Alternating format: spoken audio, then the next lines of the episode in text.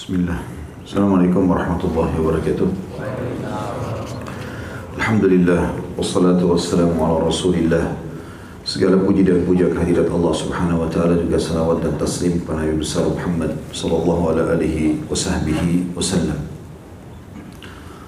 Melanjutkan bedah buku kita kumpulan doa dalam Al-Quran dan Sunnah dan Alhamdulillah kemarin kita sudah menuntaskan semua zikir pagi petang dan kita akan masuk sekarang insya Allah dengan zikir-zikir yang berkaitan dengan masalah tidur. Jadi saking sempurnanya agama Islam ini sampai semua lini kita diatur di dalam agama yang mulia ini dan juga selalu dihubungkan dengan sang pencipta Allah. Di antaranya tentu adalah doa dan zikir. Tidur pun diatur tata caranya. Punya adab dan tata kerama dalam Islam. Seperti misalnya beruduk sebelum tidur. Bahkan kata Nabi SAW, siapa yang uduk sebelum tidur, maka Allah akan titipkan malaikat bersamanya yang mendoakan dia setiap kali dia ke kanan dan ke kiri sambil mengatakan ya Allah ampunilah rahmatilah. Begitu juga sunnahnya adalah balik sisi kanan sebagaimana sabda Nabi SAW kepada para sahabatnya mengatakan kalau kalian ingin tidur maka baliklah ke sisi kanan tubuh kalian dan letakkanlah telapak kanan kalian di bawah pipi kalian. Ada seorang anak muda di Amerika beberapa waktu yang lalu sempat datang ke satu dokter Katolik spesialis penyakit dalam. Kebetulan dia mau konsultasi. Tapi karena antrian panjang anak muda ini rupanya tertidur. Dan dia salah satu dari marbot masjid dan sering mendengarkan pengajian. Dia sedang mempraktikkan tanpa dia sengaja. Karena kelamaan nunggu dia tidur di kursi tempat menunggu karena agak kosong ada beberapa kursi dia tidur terlentang Kemudian dia balik sisi kanan dan dia letakkan tangan kanannya di bawah pipinya. Intinya dia tidur lelap sekali sampai dia tidak tahu kalau dia seharusnya sudah masuk gilirannya dan sudah pasien semuanya pulang, tinggal dokternya saja. Pada saat dia mau tempat praktek, dia lihat masih ada pasien satu. Didekati sama dia, lalu dia perhatikan cara tidurnya anak muda ini. Terus saja dokter itu memperhatikan dan dia tidak bangunkan sampai anak muda itu terbangun sendiri. Pada saat dia bangun, maka berkatalah dokter tersebut, apa kau pasien saya? Dia bilang iya. Lalu kata dokter tersebut, saya mau tanya sebelum kau konsultasi dengan saya, siapa yang mengajarkan kepadamu tidur seperti ini? Dia bilang, ini kami tahu atau saya tahu dari agama dalam agama kami atau dalam agama saya. Nabi kami SAW mengajarkan kalau kami tidur balik sisi kanan dan balik atau meletakkan tangan di bawah pipi. Kata dokter tersebut, apa kau yakin tidak pernah baca artikel ilmiah, tidak pernah tahu sesuatu penemuan berhubungan dengan saya? Dia bilang tidak tahu. Saya seorang merawat masjid, kerja saya cuma dari rumah ke masjid. Maka kata dokter tersebut, ketahuilah cara tidur ini baru ditemukan dengan penelitian yang teliti dan baru saja yang secara ilmiah ternyata ini tidur tersehat di dunia. Dan itu sudah diajarkan oleh Nabi SAW dari 1400 tahun yang lalu tentang masalah tidur itu. Kemudian juga di antara adab tidur adalah membaca zikir. Doa-doa tidur yang akan kita pelajari nanti insya Allah secara rinci makna-maknanya dan jenis-jenisnya. Kemudian juga yang dianjurkan adalah kalau bapak ibu terkaget tengah malam, terkaget lagi tidur terus terkaget tengah malam. Apakah itu karena mimpi atau yang lainnya, intinya terkaget, maka usahakan langsung juga berzikir. Karena kata Nabi SAW, siapa yang terbangun tengah malam, terkaget. Kemudian dia langsung membaca, La ilaha illallah wahdahu la syarikalah, lahul mulku wa lahul hamdu wa huwa ala kulli syai'in qadir. Gak ada kalimat yuhyi wa yumitnya di sini. Subhanallah walhamdulillah wa la ilaha illallah wallahu akbar wa la hawla wa la quwata illa billahil aliyil azim. Allahumma kfirli. Tiga zikir ini digabungin kalau diikuti dengan ya Allah ampunilah aku maka akan diampuni dosa-dosanya walaupun sebanyak atau akan diampuni dosa-dosa yang telah lalu dan kalau dia berdoa diterima, kalau dia sholat diterima.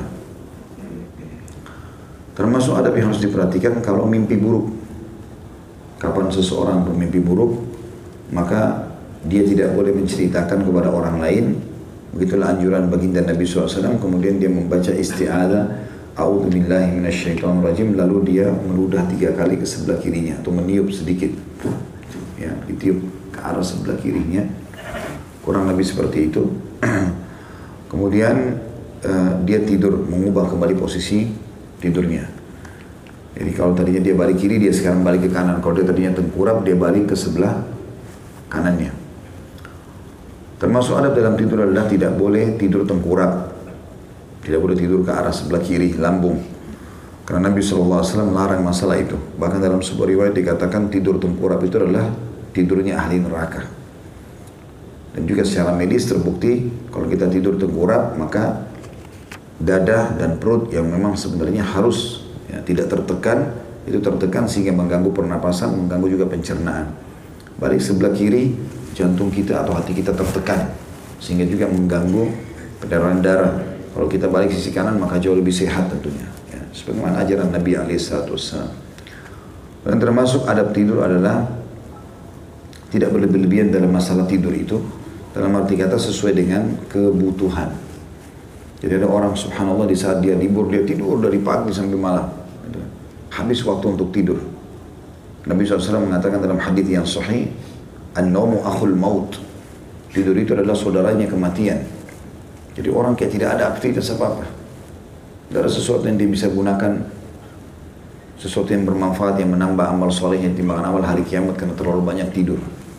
Tapi tidur juga dianjurkan sesuai dengan kebutuhan karena Allah SWT mengatakan wajah anda layla dibasa juga dalam ayat lain ya, Allah SWT mengingatkan tentang masalah uh, tidur itu subhanallah saya terlupa ayatnya.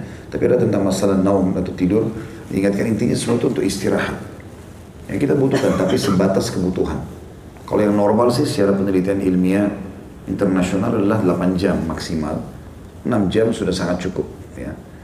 Sebagian juga membagi dengan tidur malam dan tidur siang ya, seperti itulah. Dan memang tidur siang dalam Islam ada namanya kailula ya, namanya kailula. Termasuk adab ya, pada saat bangun dari tidur itu adalah mengikuti bisikan malaikat untuk mengerjakan sholat malam atau sholat subuh. Jangan malah mendengarkan azan atau punya kesempatan ibadah malah tidur. Ya. Makanya Nabi SAW menanyakan kepada para sahabat, atau ditanyakan kepada beliau bagaimana menurut anda ya Rasulullah dengan orang yang tertidur sementara azan subuh dikumandangkan kata Nabi SAW itu orang yang telinganya sedang dikencingi oleh syaitan. Ya. maka dia kalau terbangun dia bangun sholat. Teman-teman terkaget jam berapapun langsung uduk sholat. Maka Nabi SAW menyunnahkan dan ini adab setelahnya.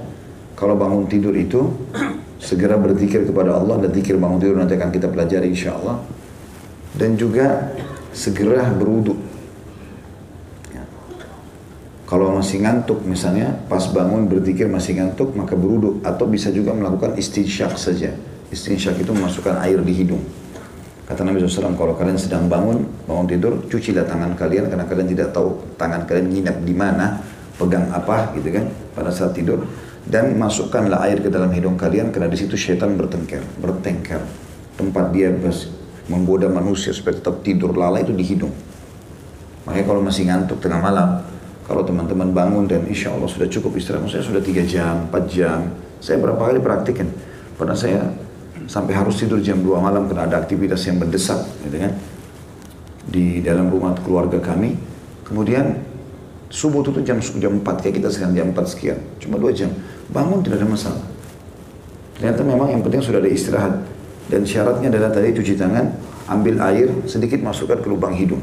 Subhanallah ngantuknya hilang.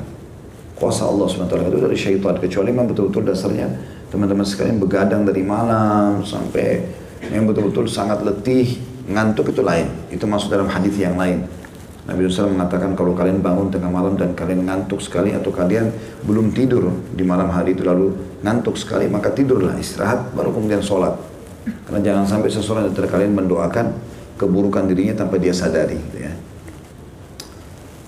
Juga Nabi SAW mengatakan dalam hadis yang lain kalau anak Adam atau manusia tidur maka syaitan akan mengikatnya dengan tiga ikatan ada riwayat menjelaskan satu di kepala, satu di perut, satu di kaki, tapi yang jelas riwayat yang sahih yang lain secara global mengatakan mengikatnya dengan tiga ikatan di tubuhnya. Kalau dia bangun, dia berzikir kepada Allah, maka lepas ikatan pertama. Kalau dia langsung beruduk, ya, terlepas ikatan kedua. Kalau dia sholat, terlepas ikatan ketiga. Dan engkau akan temukan orang itu, kata Nabi SAW, pada hari itu paling bahagia. Tentram, nyaman. Coba teman-teman praktik ini. bangun tengah malam, bangun sholat. Langsung berdiri, masuk kamar mandi, baca doa bangun tidur, wudhu, sholat. Walaupun cuma dua rakaat. Ini masih baru jam 2. Masih ada dua jam lagi bisa istirahat. Ngantuk, hilangkan sedikit ngantuk, wudhu, sholat. Walaupun cuma dua rakaat, baru tidur lagi. Gak apa-apa. Yang penting sholat dulu. Atau terdengar azan subuh, atau sudah menjelang azan, misalnya terdengar suara masjid, ya, mikrofon masjid, maka kita bangun. Sholat. Insya Allah teman-teman walaupun tidurnya sedikit malam hari kalau apalagi kalau sholat subuh berjamaah di masjid ini adalah ada hadis yang sahih menyebutkan siapa yang sholat berjamaah subuh di masjid maka dia dibawa naungan Allah sampai besok pagi lagi. Nggak akan ada kesulitan dihadapi. Kalau teman-teman darurat sekalipun harus ketinggalan sholat berjamaah jangan subuh. Subuh sama isya ini jangan ketinggalan. Karena kata Nabi SAW siapa yang sholat isya berjamaah di masjid maka dia seperti dapat pahala setengah malam dia sholat seperti dari awal habis isya, antum sholat, Allah Akbar, sami Allah iman hamidah, sampai salam, Assalamualaikum warahmatullahi berdiri lagi. Sholat lagi, sampai setengah malam. 4 jam antum sholat. Dan siapa yang sholat subuh berjamaah di masjid, maka dia seperti melengkapkan setengah yang tersisa. Jadi seperti semalam suntuk sholat berjamaah. Tentu lima-limanya kita jaga di masjid. Itu yang paling bagus, idealnya. Tapi kalau betul-betul harus ada yang ketinggal karena darurat, tak sengaja segala macam. Jangan subuh sama isya.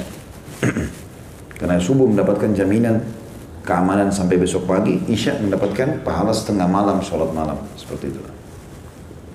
Dan dua sholat ini memang yang paling berat bagi orang-orang munafik ya. Bagi orang munafik. Nah itu berhubungan dengan masalah adab ya. Sekarang kita masuk teman-teman sekalian ke salah satu adab tadi yang saya sebutkan adalah membaca zikir pada saat mau tidur. Di sini penulis mengatakan menyatukan dua telapak tangan seperti ketika berdoa lalu meniup kedua keduanya sambil membaca pada keduanya surah Al-Ikhlas. Sudah kita tahu tentunya Bismillahirrahmanirrahim di sini di buku kita ditulis kul huwallahu ahad Allahu samad lam yalid wa lam yulad wa lam yakul lahu kufuwan ahad. Katakanlah dialah Allah yang Maha Esa. Allah adalah Tuhan yang bergantung kepadanya segala sesuatu. Dia tidak beranak dan tidak pula diperanakkan dan tidak ada seorang pun yang setara dengannya. juga dengan Al-Falaq. Bismillahirrahmanirrahim. Qul a'udzu birabbil falaq Katakan aku berlindung kepada Tuhan yang menguasai waktu subuh. Min syarri ma khalaq. Dari semua kejahatan yang, dari semua kejahatan makhluknya. Wa min syarri ghasiqin idha waqab. Dan dari kejahatan malam apabila telah gelap gulita. Karena umumnya malam orang berbuat maksiat. Nah, kita berlindung kepada Allah. Wa min syarri naffathati fil uqad. Dan kejahatan wanita-wanita tukang sihir yang menghembus pada buhul-buhul. Wa min syarri hasidin idha hasad dan dari kejahatan orang yang dengki apabila ia dengki. Begitu juga dengan An-Nas, Bismillahirrahmanirrahim, Qul a'udhu birabbin nas. Katakan aku berlindung kepada Tuhan yang memelihara dan menguasai manusia. Malikin nas, rajanya manusia. Ilahin nas, Tuhannya manusia. Min syarril waswasil khannas. Dari bisikan syaitan yang biasa bersembunyi. Alladhi yuwaswisu fi sudurin nas yang selalu membisikkan kejahatan ke dalam dada manusia minal jinnati wan nas dari jin dan manusia. Dibaca lalu ditiup ke telapak tangannya. Kemudian dengan kedua telapak tangan itu dia mengusap tubuh yang dapat dijangkau dengannya. Dimulai dari kepala wajah dan tubuh bagian depan sebanyak tiga kali. Hadis ini riwayat Bukhari ya, jilid 9 halaman 62 dan Imam Muslim jilid 4 halaman 1723. Jadi bisa teman-teman lakukan dengan dua cara.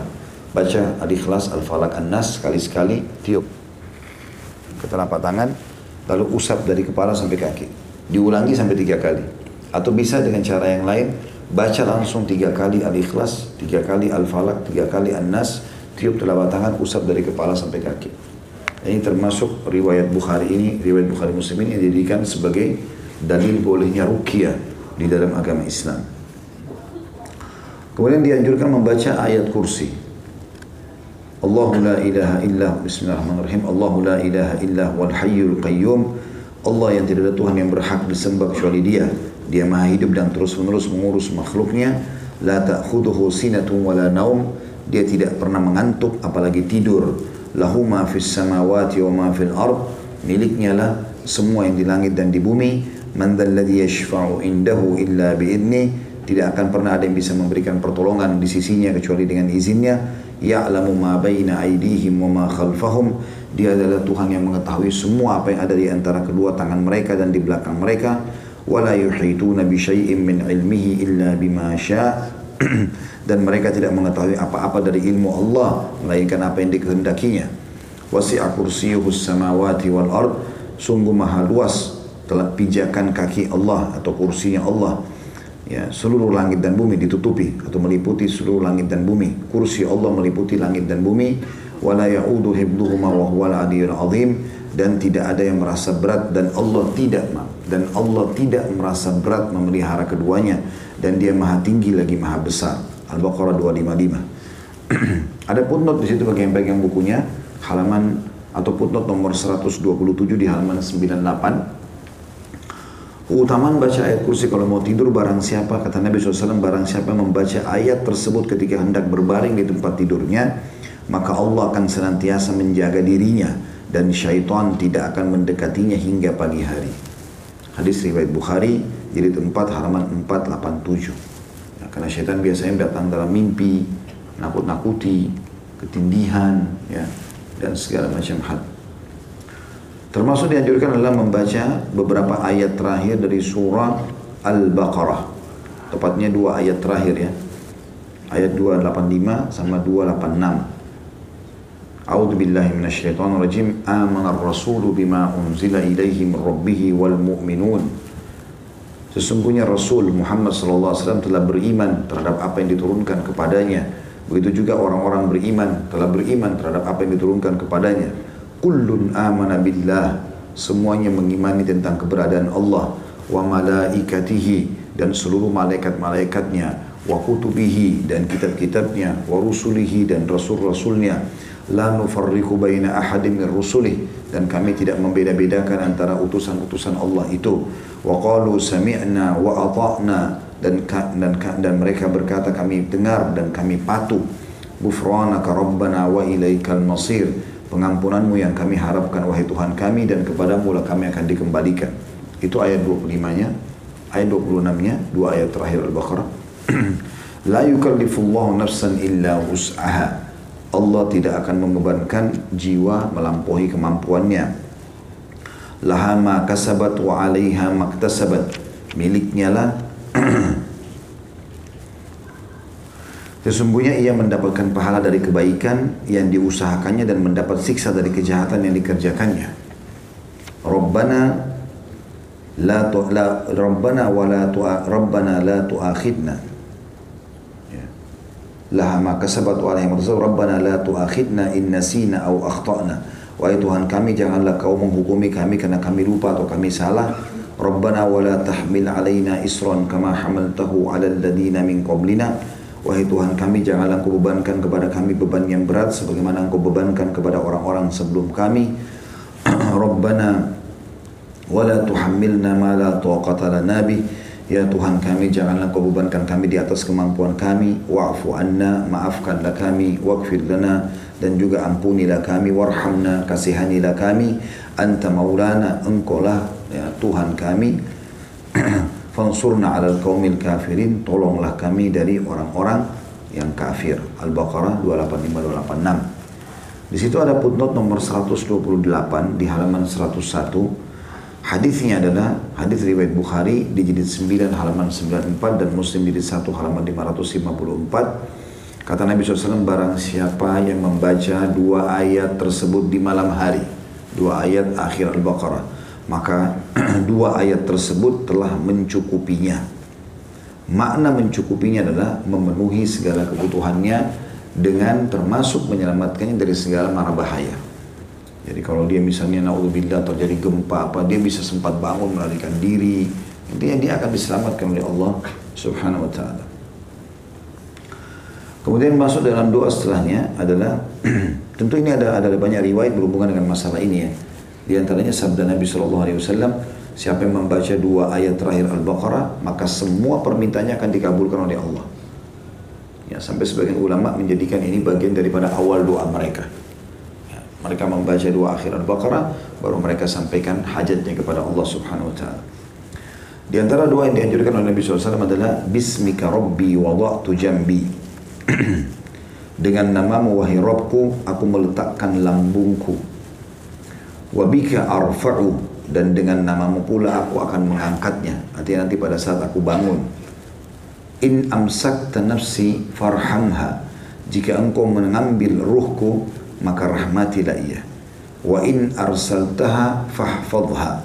Dan jika engkau melepaskannya, maka peliharalah ia. Bima tahfadu bihi ibadakas salihin. Sebagaimana engkau memelihara hamba-hambamu yang saleh. Jadi doa ini kalau dibaca, bagi teman-teman yang pegang buku, kalau yang tidak didengarkan saja, pegang buku ada di footnote nomor 129 di bawah. Nabi SAW bersabda, apabila seseorang di antara kalian bangkit dari tempat tidurnya, kemudian ia ingin kembali lagi, hendaklah ia mengibaskan ujung kainnya tiga kali. Maksudnya kalau teman-teman bangun tidur atau baru mau tidur, itu disunnahkan kalau ada, ada, ada selimut dikebas tiga kali. Kalau cuma spray saja ditepuk tiga kali. Ya. Hendaklah ia mengibaskan ujung kainnya tiga kali dengan menyebut nama Allah. Baca Bismillah. Karena ia tidak tahu apa yang ditinggalkannya di tempat tidur setelah ia bangkit. Maksudnya dia tidak tahu apa yang tadi jatuh dari tubuhnya atau apa saja gitu. Ada pada penelitian terakhir itu, orang kalau tidur ada banyak sesuatu yang memang keluar dari tubuhnya, baik itu dalam bentuk keringat atau yang lainnya kita tidak tahu, lalu jatuhlah di atas spray itu. Pada saat dia bangun, dia kamar mandi, dia kembali lagi, lalu dia tebah itu, maka semua itu akan pergi dengan sendirinya, termasuk bakteri-bakteri yang ada gitu.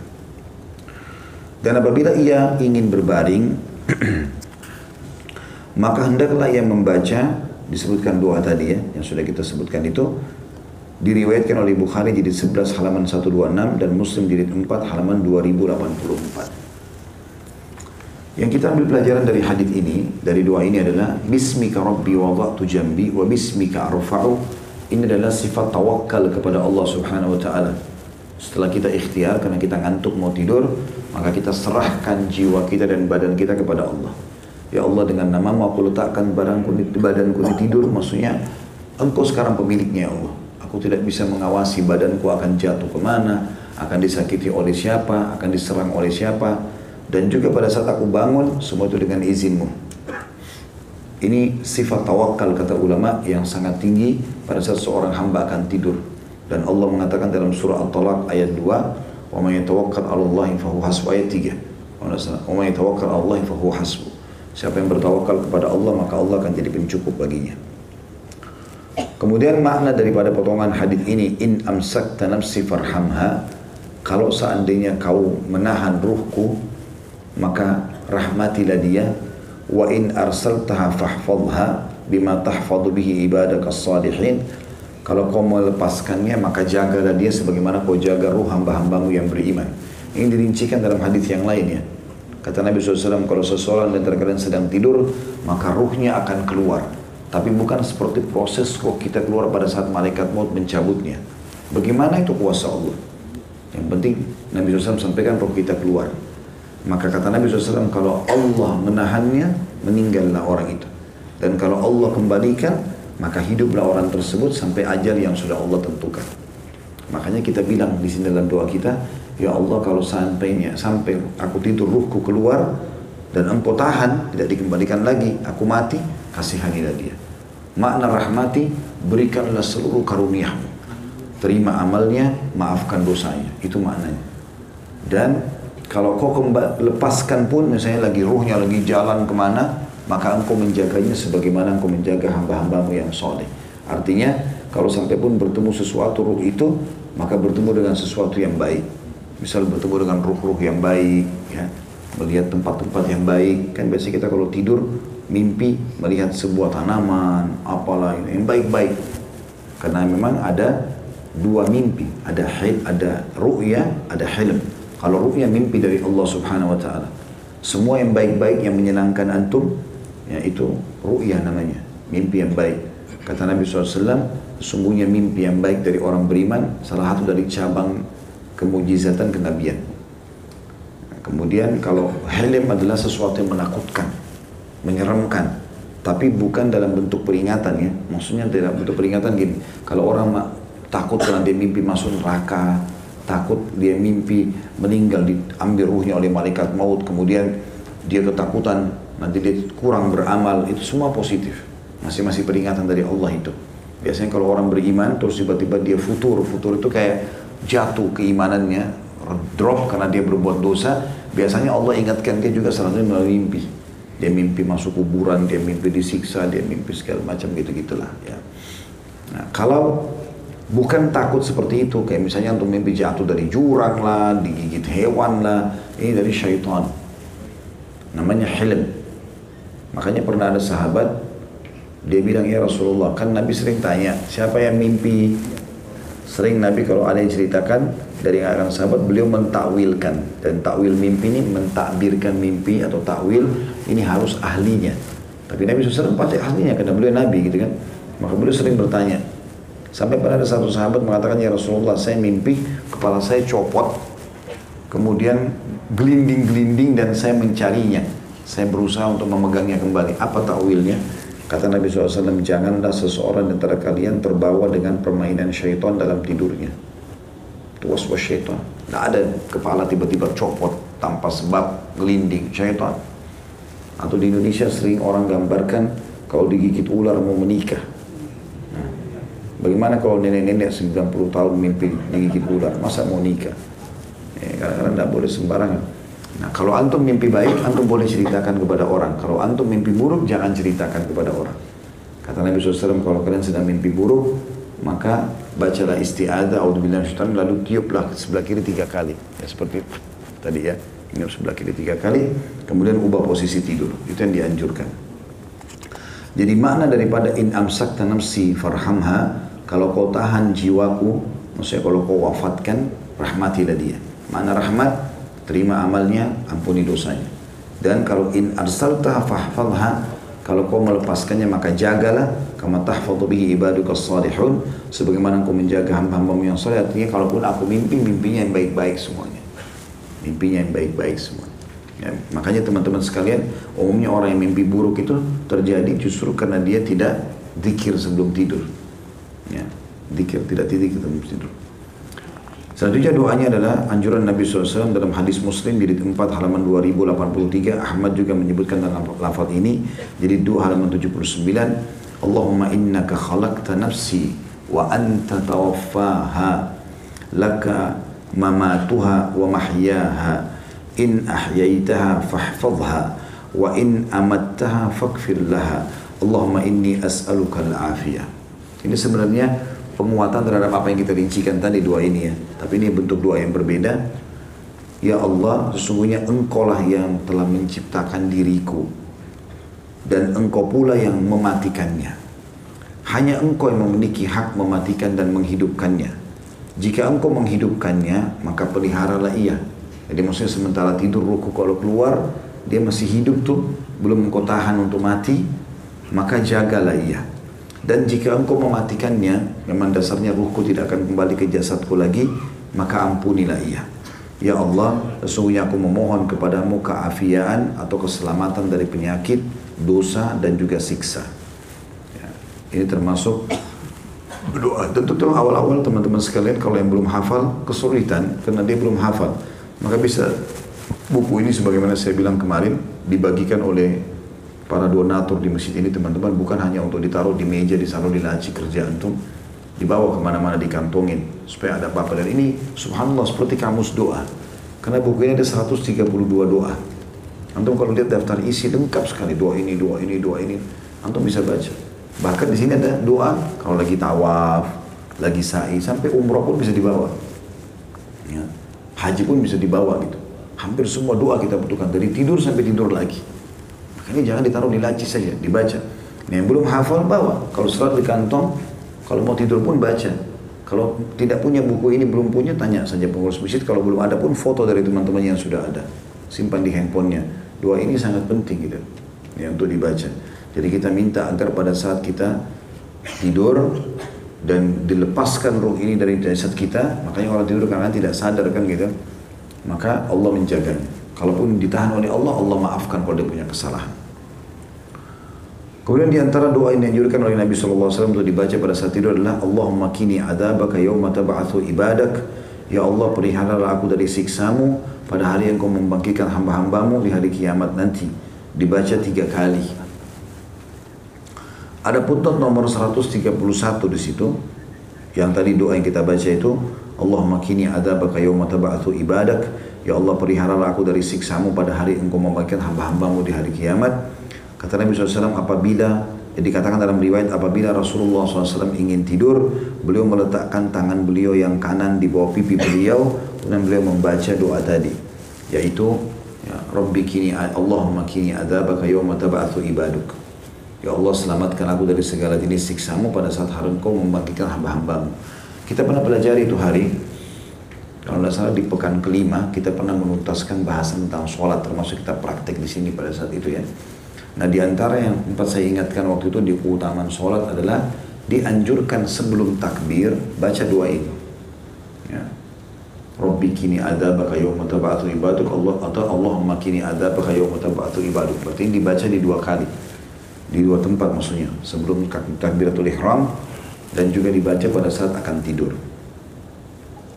Dan makna doa ini kata sebagian ulama adalah bagaimana seseorang itu memohon kepada Sang Pencipta Allah agar dia diselamatkan dari semua jenis siksaan baik dari dosa kecil ataupun dosa besar.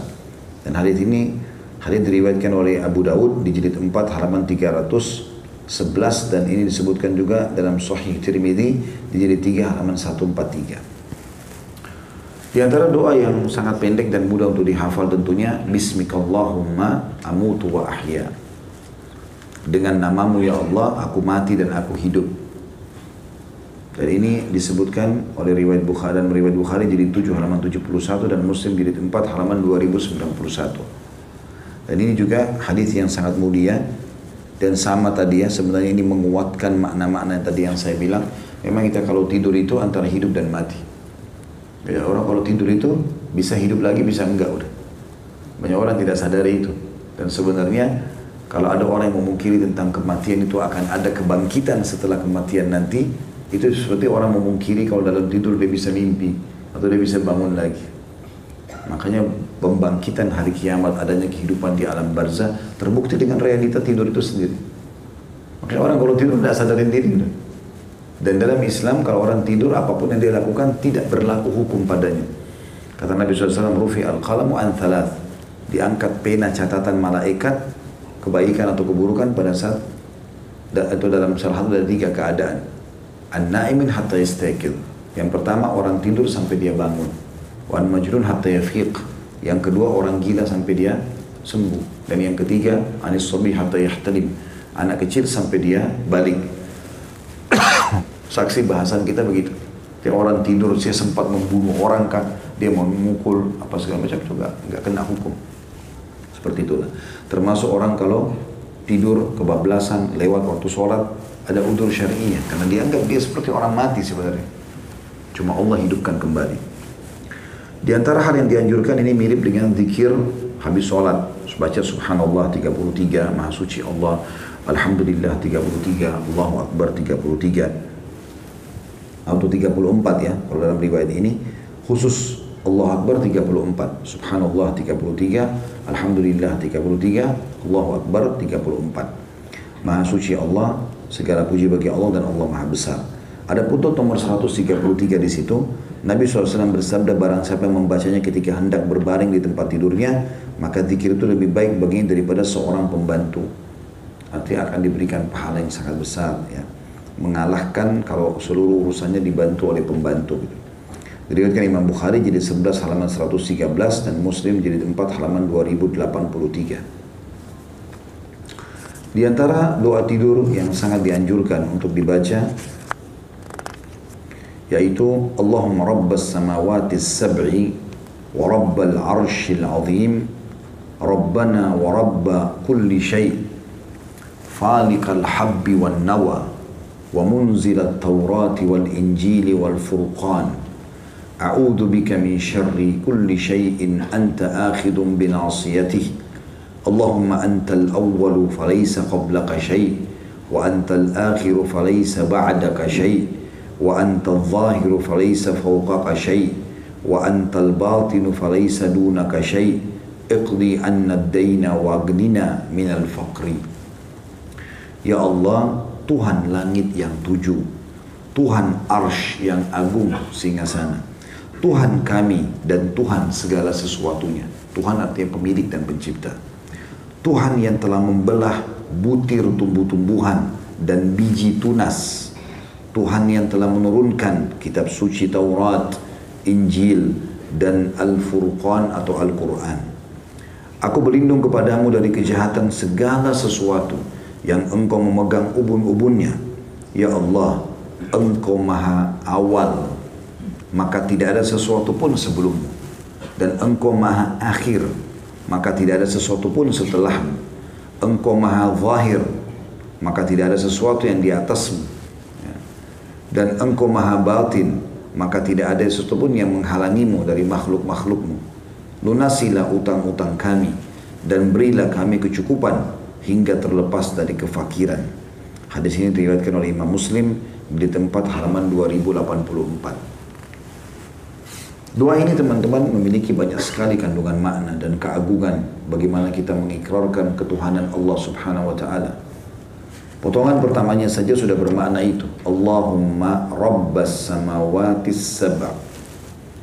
Ya Allah, Allahumma kan ya Allah. Kalau kita tutup mimnya itu tulisannya Allah. Mim itu panggilan. Ya Allah, Rabba, Rabbu sama, pemilik, penguasa, pencipta dan menciptakan dari tidak ada menjadi ada.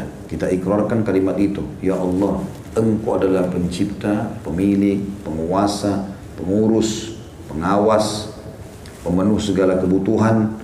As-samawati sab'a. Tujuh lapis langit. Dan ini memang ikrar keimanan seseorang muslim tentang langit itu tujuh lapis. Kalau kita lihat sekarang ini kan langit pertama di atas kepala kita. Sebagai seorang muslim kita yakin ada enam lapis langit lagi di atasnya langit ini. Kita di bawahnya. Kita ini seperti bukan debu lagi. Kalau lebih kecil dari debu dibandingkan dengan padang pasir yang luas dibandingkan langit-langit ini. Makanya kita tidak pernah lihat ujungnya langit itu kan. Dan Allah sebutkan dalam surah Al-Mulk, Alladhi khalaqa sab'a samawatin tibaqa. Allah menciptakan tujuh lapis langit tibak, susun. Satu, dua, tiga, empat, lima, enam, tujuh baru di atas ada sidratul muntaha, di atasnya lagi ada lautan, baru arsnya Allah, baru Allah Azza wa Jalla yang maha besar. Kita di bawah sekali. Kita ada di dasar lautan yang kecil, tidak terlihat. Seluruh bumi ini dan penghuninya. Ikrar ini penting karena menandakan keimanan kita terhadap yang gaib. Karena kan kita tidak bisa lihat langit kedua, langit ketiga dan seterusnya. Hanya disampaikan saja beritanya. Begitu juga pada saat Nabi SAW menyampaikan, mengatakan, saya dimi'rajkan ke langit, maka saya menembus ketujuh lapis langit itu. Langit pertama bertemu dengan Adam, langit kedua bertemu dengan fulan, fulan, fulan, sampai langit ketujuh. Kan begitu. Begitu juga dengan hadis Nabi SAW tentang kematian. Yang kata Nabi SAW, kalau orang mukmin meninggal dunia, maka akan ruhnya orang beriman itu dibawa ke langit, menembus tujuh lapis langit itu. Dan setiap malaikat yang melihat ruh itu berkata, Ya Allah, ya, ruhnya atau siapa? Ruh siapa ini? Bertanya kepada malaikat yang membawanya. Maka malaikat yang membawanya, yang membungkusnya dengan kain kafan dari surga, malaikat rahmat atau kasih sayang, dua menjawab ini fulan bin fulan. Ya, yang e, namanya paling baik di dunia pada saat itu. Dan seluruh penghuni langit, malaikat berharap agar dia e, ruh itu dilewatkan di sisi mereka karena mengeluarkan bau lebih wangi dari kasturi. Dan ada penyebutan dalam masalah tujuh lapis langit. Dalam surah Naba juga begitu kan disebutkan sab'an shidada. Tujuh lapis langit yang sangat kokoh ya. Nah ini ikrar tauhid kita kepada Allah SWT. Kalau Allah memiliki atau menciptakan tujuh lapis langit. Kita bilang Allah merubah samawati sab'a.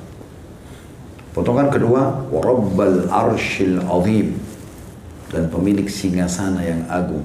Singgasana Allah tadi saya jelaskan atau digelar dengan arsh itu ada di atas lautan tadi. Makanya Allah bilang dalam Al-Quran, wa kana arshuhu alal ma. Dan singgasananya Allah ada di atas air. Dan lautan itu ada di atas Sidratul Muntaha. Lebih besar jauh daripada Sidratul Muntaha dan tujuh lapis langit juga bumi kita ini. Pernah saya jelaskan riwayat itu ya. Itu bisa teman-teman kembali membaca banyak sekali artikel dan juga insya Allah sudah banyak ceramah menjelaskan tentang bagaimana arsnya Allah, makhluk Allah yang paling agung, ya, yang Allah ciptakan, paling besar. Dan kita mengatakan Allahu Akbar karena memang Allah jauh lebih besar daripada semua ciptaannya. Maka ini kita ikrarkan Allah punya arsh dan ayat kursi, kursi sudah pernah kita jelaskan adalah pijakan kaki raja di singgasana. Allah sudah bahasakan dalam surah ayat kursi yang sudah kita baca tadi wasi'a kursiyuhus samawati wal ard. Pijakan kakinya Allah di singgasananya itu menutupi seluruh langit dan bumi.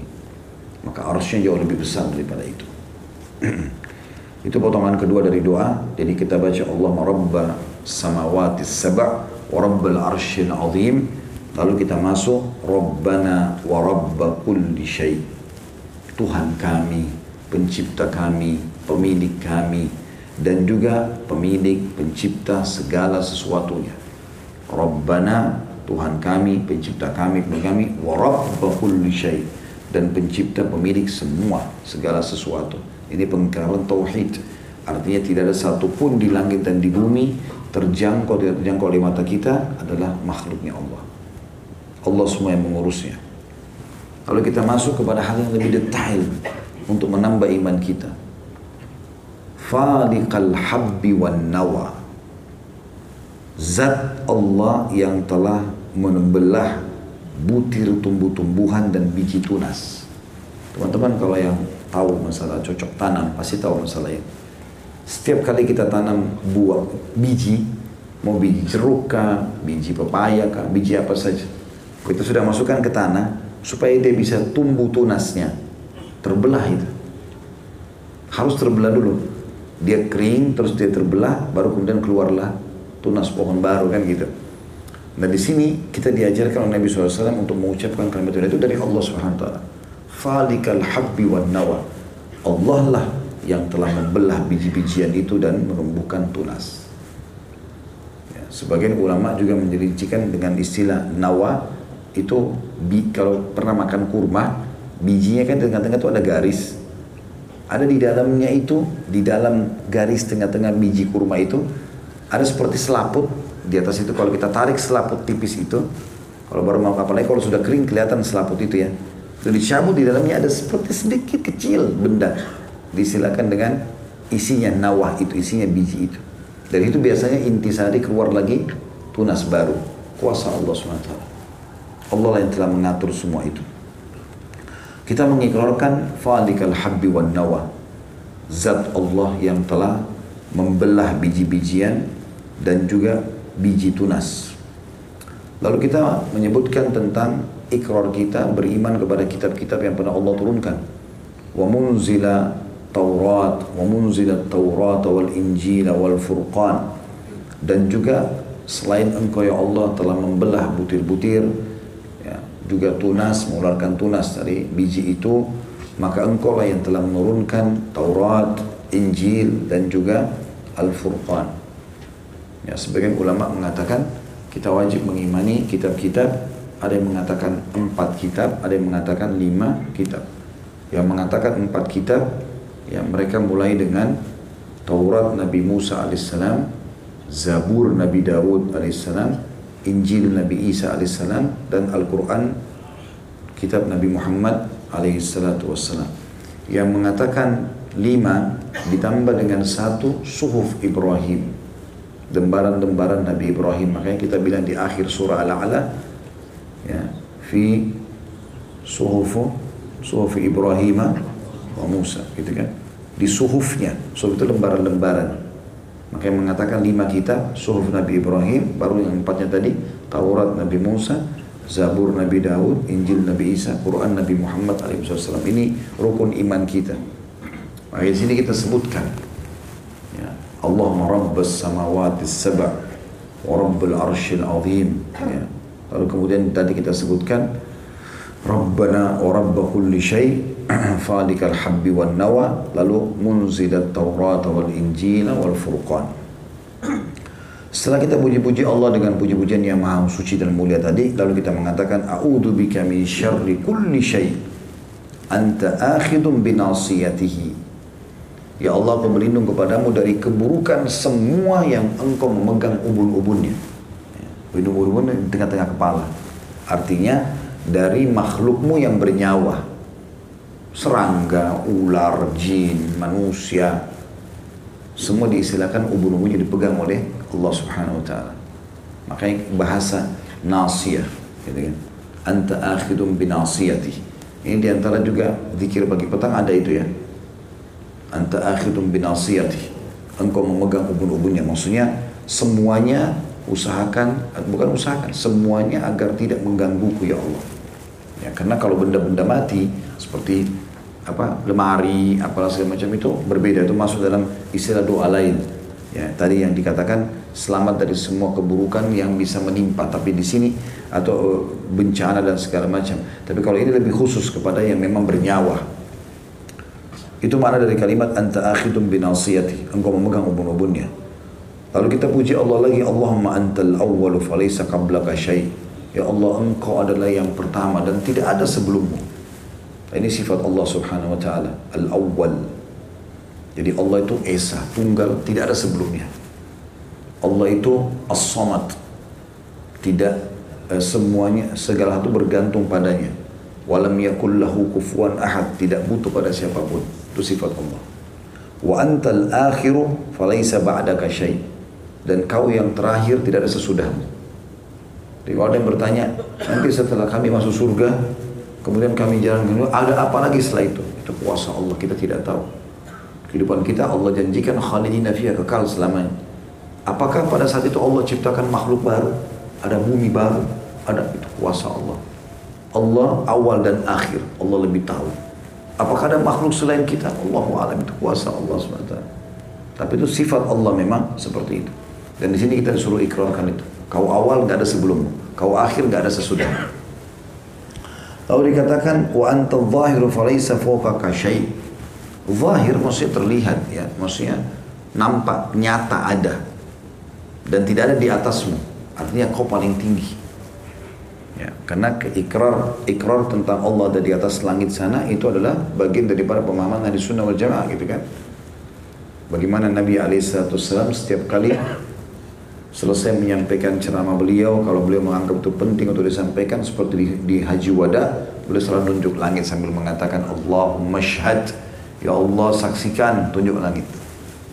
Dan ada pernah budak wanita lewat bersama majikannya di hadapan Nabi SAW, lalu Nabi tahan sebentar. Saya mau tanya dulu budakmu ini. Maka orang majikannya bilang silahkan. Kata Nabi SAW, di mana Allah? Maka tiba-tiba budak itu tunjuk ke langit, di atas langit. Lalu kata Nabi SAW, siapa aku? Kata orang itu, budak wanita itu, engkau adalah utusannya. Kata Nabi SAW kepada majikannya, bebaskan budakmu ini karena dia orang beriman kepada Allah. Makanya Nabi SAW juga waktu terima perintah sholat, beliau mi'raj ke langit naik ke atas untuk bertemu dengan Allah SWT. Jadi memang Allah itu zahir, nyata ada dan tidak ada di atasnya. Artinya Allah yang paling tinggi. Kemudian dikatakan wa antal batin falaysa dunaka syai. Dan engkau adalah maha batin. Dan tidak ada sesuatu pun yang menghalangimu dari makhluk-makhluk Maksudnya batin sini manusia juga tidak bisa menjangkaumu, gitu kan? Tidak mampu untuk menjangkaumu. Tapi bukan berarti kita tidak kami tidak bisa menjangkau lalu kau tidak bisa menjangkau kami. Maknanya kau batin maha batin artinya kau akan bisa menguasai apa pun yang berhubungan dengan kami. Walaupun kami tidak bisa menjangkau makanya Allah mengatakan salah satu sifatnya adalah la tudrikuhul absar wa huwa yudrikul absar. Allah itu tidak bisa dijangkau oleh panca indera kalian kata Allah. Tapi dia bisa menjangkau kalian. Semuanya ya, Allah SWT jangkau dengan kemahabesarannya. Lalu kemudian setelah kita mengikrarkan Allah itu pertama, tidak ada sebelumnya, Allah itu terakhir, tidak ada sesudahnya, Allah itu yang zahir dan tidak ada di atasnya, Allah itu batin, maha batin, tidak ada ya, yang menghalanginya dari makhluk-makhluknya, lalu kita minta agar seluruh utang kita dilunasi oleh Allah, ikhdi anna dayna wagdina minal faqr. Artinya ya Allah lunasi utang-utang kami.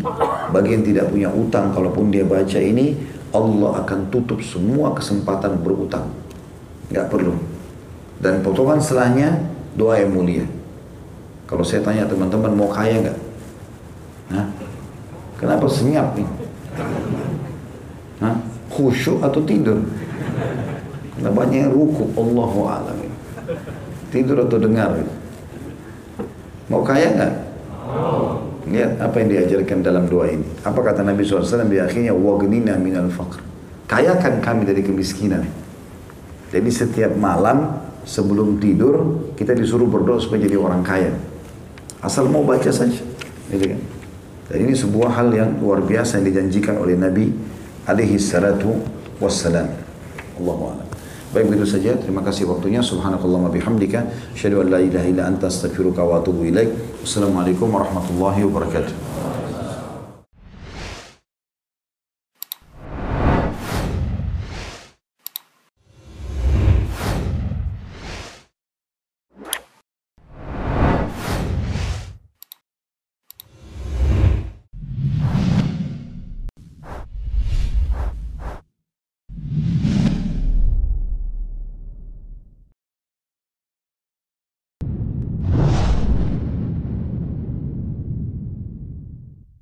Assalamualaikum.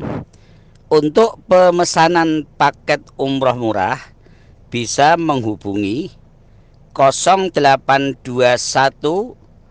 4196 0857 Kami ulangi sekali lagi Untuk pemesanan paket umroh murah Bisa menghubungi 0821 4196 0857 Sekali lagi 0821 4196 0857 Terima kasih